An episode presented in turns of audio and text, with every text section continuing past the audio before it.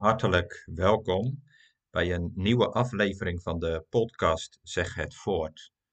Mijn naam is Rien Theo en ik mag predikant zijn in Hervormd Voorthuizen. En vandaag wil ik het graag met u hebben over dat onderzoek dat onlangs verscheen. De EO samen met het Nederlands Dagblad heeft ruim duizend kerkgangers benaderd met de vraag hoe ze in deze coronatijd en ook na deze coronatijd hun kerkgang vormgeven. En wat blijkt?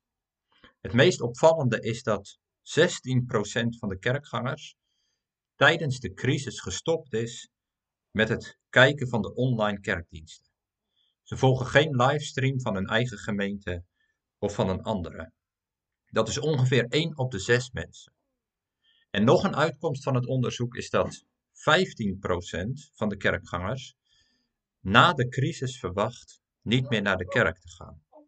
Dus ongeveer 1 op de 6 mensen dreigt af te haken. Tja, wat betekenen zulke cijfers? Hoe duiden we ze? En hoe komen ze bij ons binnen? Punt is natuurlijk dat aan zulke onderzoeken allerlei kanten zitten.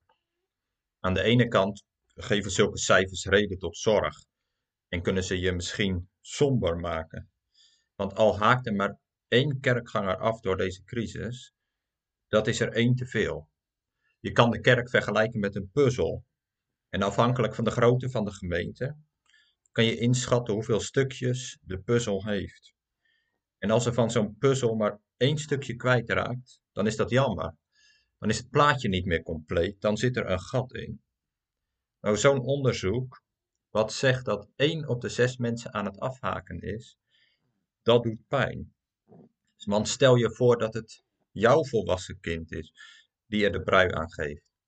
Of dat je merkt dat jouw tiener het nauwelijks lukt om naar de livestream te kijken. Of misschien ben je bezorgd om je buren of je broer. Hoe gaat het met hen in deze crisistijd? Nou, zo'n onderzoek kan reden tot zorg zijn en ook gebed in ons schade maken. Want God geeft dat het niet waar is, geeft dat niemand afhaakt.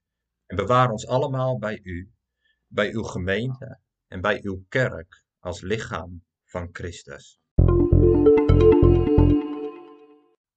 De andere kant van zo'n onderzoek is dat het slechts cijfers zijn, aantallen, kwantiteit. En in de kerk gaat het juist om kwaliteit. Wij mogen iets bijzonders geloven. En dat is dat de gemeente niet van ons, maar van Jezus Christus is. En dwars tegen alle verwachtingen en onderzoeken in, kunnen er misschien wel heel bijzondere dingen gaan gebeuren. Wie zou het zeggen? Dingen die niemand van ons voor mogelijk houdt. Misschien komen wel mensen tot geloof, die in geen enkel onderzoek aan het woord komen. Verrassend. Misschien maak jij in deze tijd wel een geloofsverdieping door, waardoor je extra bewogen raakt met mensen om je heen. Misschien ben jij van plan om na de coronatijd, als we weer allemaal in de kerk bijeen mogen komen, om eens extra om je heen te kijken. Van wie is er wel en wie is er niet? Wie mis ik? En wat kan ik voor die ander betekenen? En als wij zo vanuit de liefde van de Heer Jezus oog en hart hebben voor elkaar, kunnen er zomaar bijzondere dingen gaan gebeuren. En dan haakt misschien niet één op de zes mensen af, maar komt er op elke zes mensen eentje bij. Dat zou bijzonder zijn. We mogen naar zulke verrassingen verlangen, omdat uiteindelijk in de kerk niet onderzoeken, maar één naam onze hoop is. Hartelijk dank voor het luisteren en een goede dag toegewenst.